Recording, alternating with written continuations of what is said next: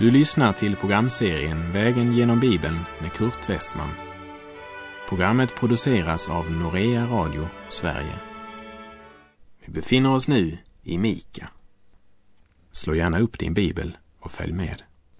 Vi befinner oss i profeten Mika bok och har hunnit till kapitel 5.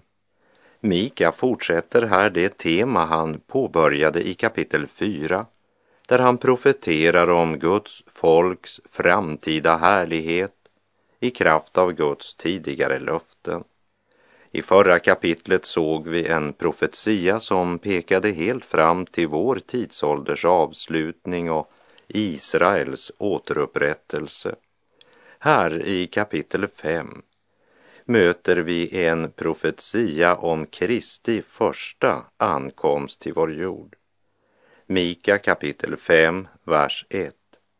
Samla dina skaror, du skarornas stad.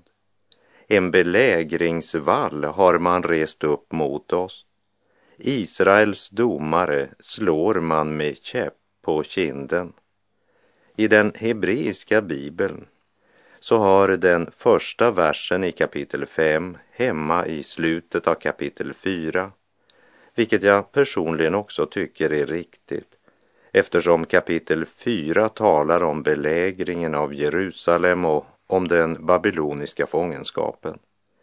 Samtidigt så ser jag det lika riktigt att den placeras här i början av kapitel 5 eftersom den också talar om de arméer som ska omringa Israel strax innan Jesu återkomst. För vi ska inte bara se Babylon som ett uttryck för den nation som bortförde Guds egendomsfolk i fångenskap, men som något som står som en bild på alla de hedna nationer som förföljt och fortfarande förföljer det utvalda folket. Och orden Israels domare slår man med käpp på kinden är ju högaktuella ord i en tid då våra massmedia serverar oss så mycket upplysningar från Mellersta Östern som är vinklat för att framställa Israel som den stora stygga vargen. Massmedias belägringsvall kommer säkerligen att följas av ett rent bokstavligt angrepp där också länder utanför arabvärlden är involverade. Vår tid präglas verkligen av att man slår Israels domare på kinden med den käpp som kallas för nyhetsförmedling. Med vers 2 kommer vi till julbudskapet som borde läsas hela året, där den lilla obetydliga staden Betlehem plötsligt hamnar i världshistoriens centrum. Betlehem, staden som ska stråla som en morgonstjärna över alla andra städer. Därför att Jesus, den utlovade frälsaren, ska födas här. Vi förknippar den här texten med december månad därför att det var den tidpunkt man valde för att fastställa ett bestämt datum då man kunde fira Kristi födelse. Men det är väl mera sannolikt att han föddes på våren. För i december hade herdarna knappast varit ute på bergsluttningarna med sina fårjordar. Men det är inte datorn som är det viktiga, utan platsen. Kristus föddes i Betlehem. Det är ett historiskt faktum som är väl dokumenterat. Vi läser Mika kapitel 5, vers 2. Men du Betlehem Efrata, som är så liten bland judatusenden, från dig skall det åt mig komma en som skall härska i Israel. Hans ursprung är före tiden, från evighetens dagar. Som människa kommer Herren Jesus från Davids stad, men som Guds son av evighet. Lägg märke till det lilla ordet men som presenterar andra sidan av myntet. oberoende av fångenskapet i Babel, Jerusalems ödeläggelse, templet som jämnats med marken och murarna som lagts i grus, så skall den av Gud utlovade Messias av Davids ett komma. Eftersom det fanns två Betlehem har skriften med tillägget Efrata, som betyder fruktbar eller fruktbarhet, för att göra det klart för oss exakt vilket Betlehem profeten talar om. Mika säger med bestämdhet var Messias ska födas och det säger han alltså cirka 700 år innan det ska ske. Och efter 700 år med så oändligt många händelser som skett däremellan så var det inte så stor sannolikhet att han skulle bli född i Betlehem. Det var nästan inte tänkbart. Alla oddsen var emot. Ingen av Davids ett levde i Betlehem längre. De var skingrade. De flesta fanns utanför landets gränser. Det fanns fortfarande en familj av Davids ett i Nasaret. Men Betlehem, det var platsen frälsaren av Davids ett skulle födas i, enligt Mika. Och denna profetia var ju den grund på vilken de skriftlärda byggde det uttalande som hänvisade de vise männen och deras följe till Betlehem.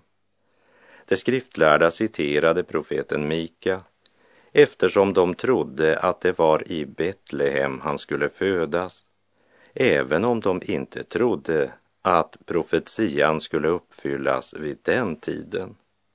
Jesu födelse är så välkänd, eller rättare sagt så ofta omtalad, att vi inte inser hur anmärkningsvärt och fantastiskt detta var, speciellt under de omständigheter som då rådde.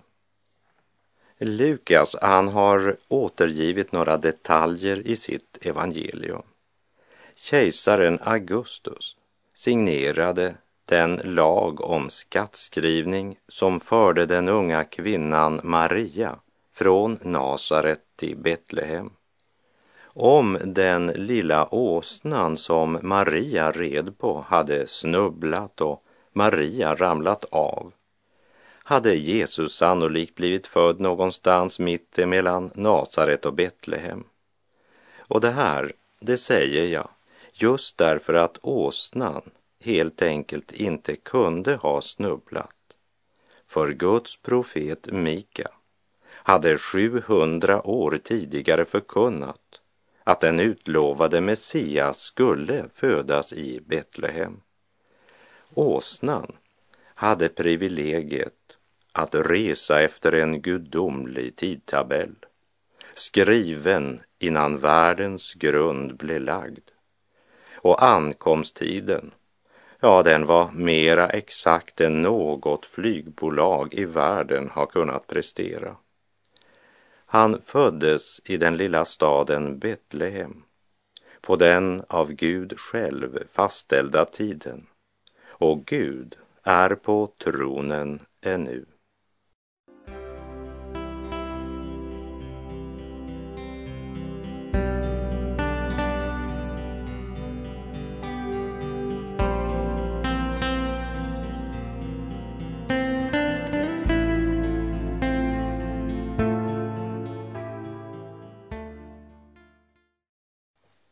Men du Betlehem, Efrata, som är så liten bland judatusenden, från dig skall det åt mig komma en som ska härska i Israel. Hans ursprung är före tiden, från evighetens dagar. Från dig skall det åt mig komma en som ska härska i Israel. Orden åt mig talar om för oss att han som skulle komma skall göra Faderns vilja och utföra hans fullkomliga plan. Hans ursprung är före tiden. Innan vi går vidare så vill jag bara påminna om något vi läste när vi vandrar genom det första kapitlet i Första Mosebok. Under den fjärde skapelsedagen skedde följande. Jag citerar Första Mosebok kapitel 1, vers 14. Gud sade, var det på himlavalvet ljus som skiljer dagen från natten. Det ska vara tecken som utmärker särskilda tider, dagar och år. Från det ögonblicket består alltså dagarna av det vi kallar dygn. Och med dag räknas då från solens uppgång till dess nedgång. Innan det här skedde existerade inte tiden. Men Kristus, han existerade. Han var tillsammans med Fadern i himlens fullkomliga härlighet. Kristi ursprung är före tiden, säger profeten Mika. Här talar Mika om inkarnationen, om att Gud blev en av oss han som var till innan världens grund blev lagd. Han som var ordet. Han som var hos Gud och själv var Gud. Han blev människa och bodde bland oss. Och vi såg hans härlighet som den enda sonen får av sin fader. Och han var fylld av nåd och sanning, säger Johannes i Johannesevangeliets första kapitel och Jesaja som var en av profeten Mika, samtida profeter, han säger Därför skall Herren själv ge er ett tecken. Se, jungfrun ska bli havande och föda en son och hon ska ge honom namnet Immanuel, som det står i Jesaja 7, vers 14. Och Jesaja, han har mer att säga om den kommande Messias. Jag citerar Jesaja 9, vers 6. Ty ett barn blir oss fött, en son blir oss given, och på hans axlar vilar herradömet, och hans namn är under, rådgivare, mäktig Gud, evig fader, fridsfurste. Innan jorden var skapad var han Gud Ändå blev han människa och kom på av Fadern fastsatt tid till den lilla och till den synes obetydliga lilla staden Betlehem. I Johannes 16, vers 28 säger Jesus, Ja, jag har utgått från Fadern och kommit till världen. Nu lämnar jag världen och går till Fadern. Och i Johannes 8, 58 sa Jesus till fariseerna Amen, amen säger jag er, jag är redan innan Abraham blev till. Och i Johannes 1, vers 3 läser vi Genom honom har allt blivit till och utan honom har inget blivit till som är till. Och det uttrycks så här av aposteln Paulus i Kolosserbrevets första kapitel, vers 16 och 17. Ty i honom skapades allt i himlen och på jorden, det synliga och det osynliga, tronförstar och herradömen, makter och väldigheter. Allt är skapat genom honom och till honom. Han är till före allting och allt består genom honom. Så det profeten Mika säger cirka 700 år före Kristi födelse, det är ganska fantastiskt. Och även om han föddes i ett stall i den lilla staden Betlehem för drygt 2000 år sedan, så har han varit verksam ifrån evighet innan solen och månen insattes i sina banor för att röra sig med en sådan precision att man med hjälp av deras rörelser kan fastställa dagar, månader och år, så existerade inte tid. Det var evighet. Evighet betyder inte en oändligt lång tid, utan evighet, det står som det motsatta till tid. Det är en evig dag. Och när Gud har avslutat tidshushållningen, då blir det åter evighet. Därför säger vi att Gud är från evighet till evighet. Vi kan säga vår tidshushållning är som en korridor mellan två evigheter. Kristus har alltså existerat långt före Adam eller Abraham och Jesu Kristi födelse förutsades alltså av profeten Mika cirka 700 år innan han föddes i Betlehem. Men när han blev född i Betlehem så fick han något som han inte hade haft tidigare, nämligen namnet Jesus. Han föddes in i vår värld som sann människa. En person av kött och blod, precis som du och jag. Och som människa fick han namnet Jesus. Han var Jehova eller Javé, som är namnet på Gud. Men nu är han Jesus, frälsaren, offerlammet. Lukas skriver i Lukas evangeliets andra kapitel, vers 11. Ty idag har en frälsare blivit född åt er i Davids stad och han är Messias, Herren.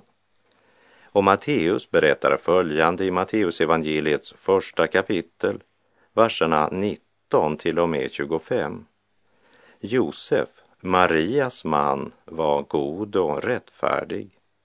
Han ville inte dra vanära över henne och därför beslöt han att i hemlighet skilja sig från henne. Men när han tänkte på detta, se, då visade sig en Herrens ängel för honom i en dröm och sade Josef, Davids son, var inte rädd för att ta till dig Maria, din hustru, ty barnet i henne har blivit till genom den helige Ande. Hon ska föda en son och du ska ge honom namnet Jesus, ty han ska frälsa sitt folk från deras synder. Allt detta skedde för att det skulle uppfyllas som Herren hade sagt genom profeten. Se, jungfrun skall bli havande och föda en son och man ska ge honom namnet Immanuel. Det betyder Gud med oss. När Josef vaknade upp ur sömnen gjorde han som Herrens ängel hade befallt och tog sin hustru till sig.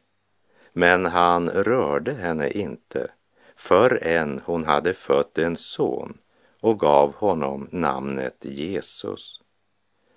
Immanuel betyder Gud med oss. Jesus betyder Guds frälsning eller den som Gud använder för att frälsa. Josef fick veta, du ska ge honom namnet Jesus, ty han ska frälsa sitt folk från deras synder. Om han inte varit Gud, han som kom till oss, så hade han inte heller kunnat vara Jesus. Han är vad han heter. Han är sann Gud. Samtidigt måste han vara sann människa. För det måste vara en från vår egen släkt som tog vår plats, led straffet och betalade skulden i vårt ställe. Vår ställföreträdare måste vara människa och utan synd. Ty vi har inte en överstepräst som ej kan ha medlidande med våra svagheter, utan en som blev frestad i allt liksom vi, men utan synd. Låt oss därför frimodigt gå fram till nådens tron för att få barmhärtighet och finna nåd till hjälp i rätt tid säger Hebreerbrevet 4, vers 15 och 16. 700 år innan denna överstepräst kom, förkunnade profeten Mika. Men du, Betlehem, Efrata, som är så liten bland judatusenden, från dig skall det åt mig komma en som ska härska i Israel. Hans ursprung är före tiden, från evighetens dagar.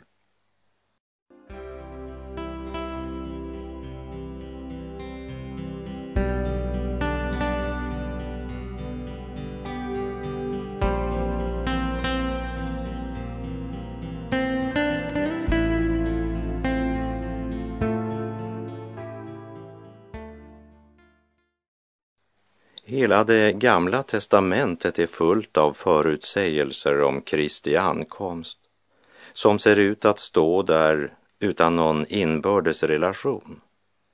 Hur kan alla dessa olika profetior bli uppfyllda? Även om det var klart förutsagt att det var i Betlehem han skulle födas, så säger profeten Jeremia att i samband med hans födelse ska det höras ett rop i Rama. Jag citerar Jeremia 31, vers 15. Så säger Herren.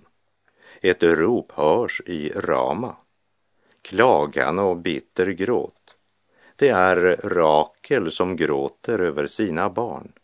Hon vill inte låta trösta sig eftersom hennes barn inte mer finns till. Och profeten Hosea säger att han ska kallas ut ur Egypten. Och i Matteus 2.23 läser vi Han bosatte sig i en stad som heter Nasaret för att det skulle uppfyllas som var sagt genom profeterna att Jesus skulle kallas Nazare.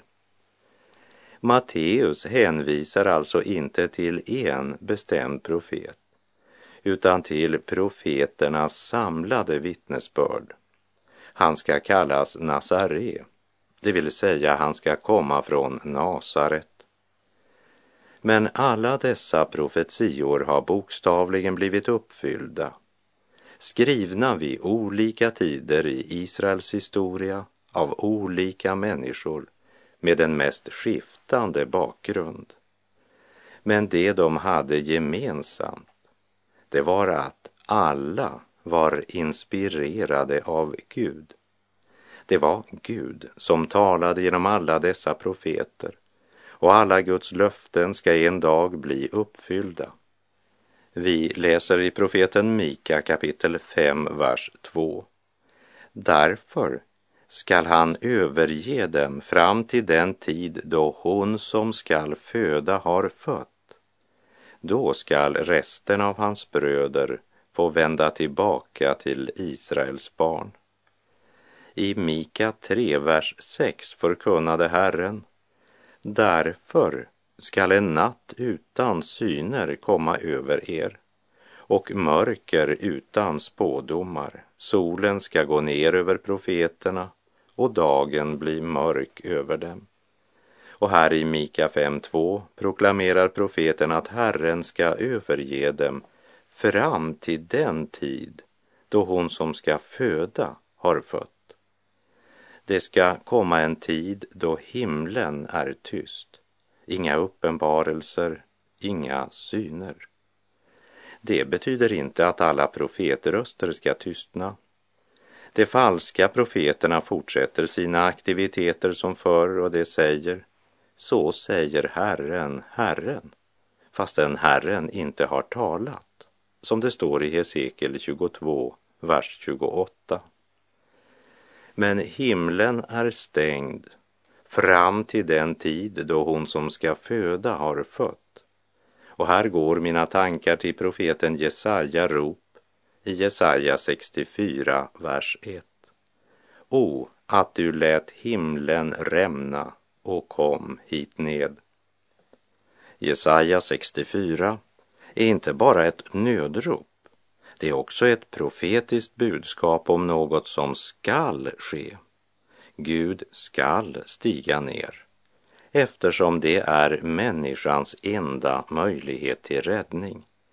Jesaja ber att himlen ska rämna, för han inser att det går mot en tid då ingen längre ser några gudomliga syner och då Gud inte längre uppenbarar något för profeterna. Men Jesaja ber inte bara att himlen åter ska öppnas. Han ber att Gud själv ska stiga ner till jorden. För Jesaja har insett att människan inte kan frälsa eller rädda sig själv. När vi nu läser profeten Mika budskap att Herren ska överge dem fram till den tid då hon som ska föda har fött, då skall resten av hans bröder få vända tillbaka till Israels barn. Så är det viktigt att vi är klara över att i detta budskap ligger en dimension till, nämligen staten Israels återupprättelse. Och då tänker jag inte på det som skedde 1948 utan på det som Mika här talar, nämligen den dag då Israel skall ha ro, därför att Kristus då är stor intill jordens ändar, som det står i Mika 5.4. Han ska träda fram och vara en herde i Herrens kraft, i Herrens, sin Guds namns höghet, och det skall ha ro ty han ska då vara stor intill jordens ändar. Och att orden, det skall ha ro, ännu inte är uppfyllt, det skulle väl vara klart för alla människor, frälsta som ofrälsta.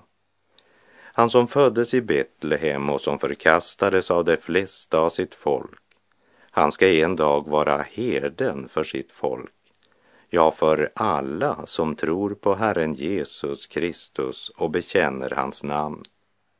Bilden av Kristus som herden som föder sina får är underbar. Det talar om omsorg för det svagaste, det talar om hans beskydd och hans frälsning. Han är den gode herden som har gett sitt liv för fåren, men som nu är uppstånden och sitter på Faderns högra sida och som en dag ska komma igen och då ska han inte komma i förnedring för att försona våra synder, utan då ska han komma i ära och makt och härlighet och vara en herde i Herrens kraft. Kära vän, låt din själ finna vila i honom som led för dina synder och som uppstod för din rättfärdiggörelse och som snart ska komma igen för att föra sina efterföljare in i en evig och fullkomlig glädje. Din skuld är betald, din synd är försonad, himlen är öppnad. Din frälsare har försonat alla dina synder så att Herren istället för att döma dig kan ge dig dubbelt igen istället för att ge dig vad dina synder har förtjänat. Och var viss om att den dagen är nära då han ska träda fram och vara en herde i Herrens kraft. Och då ska han vara stor intill jordens ändar. Herren vare med dig, må hans välsignelse vila över dig. Gud är god.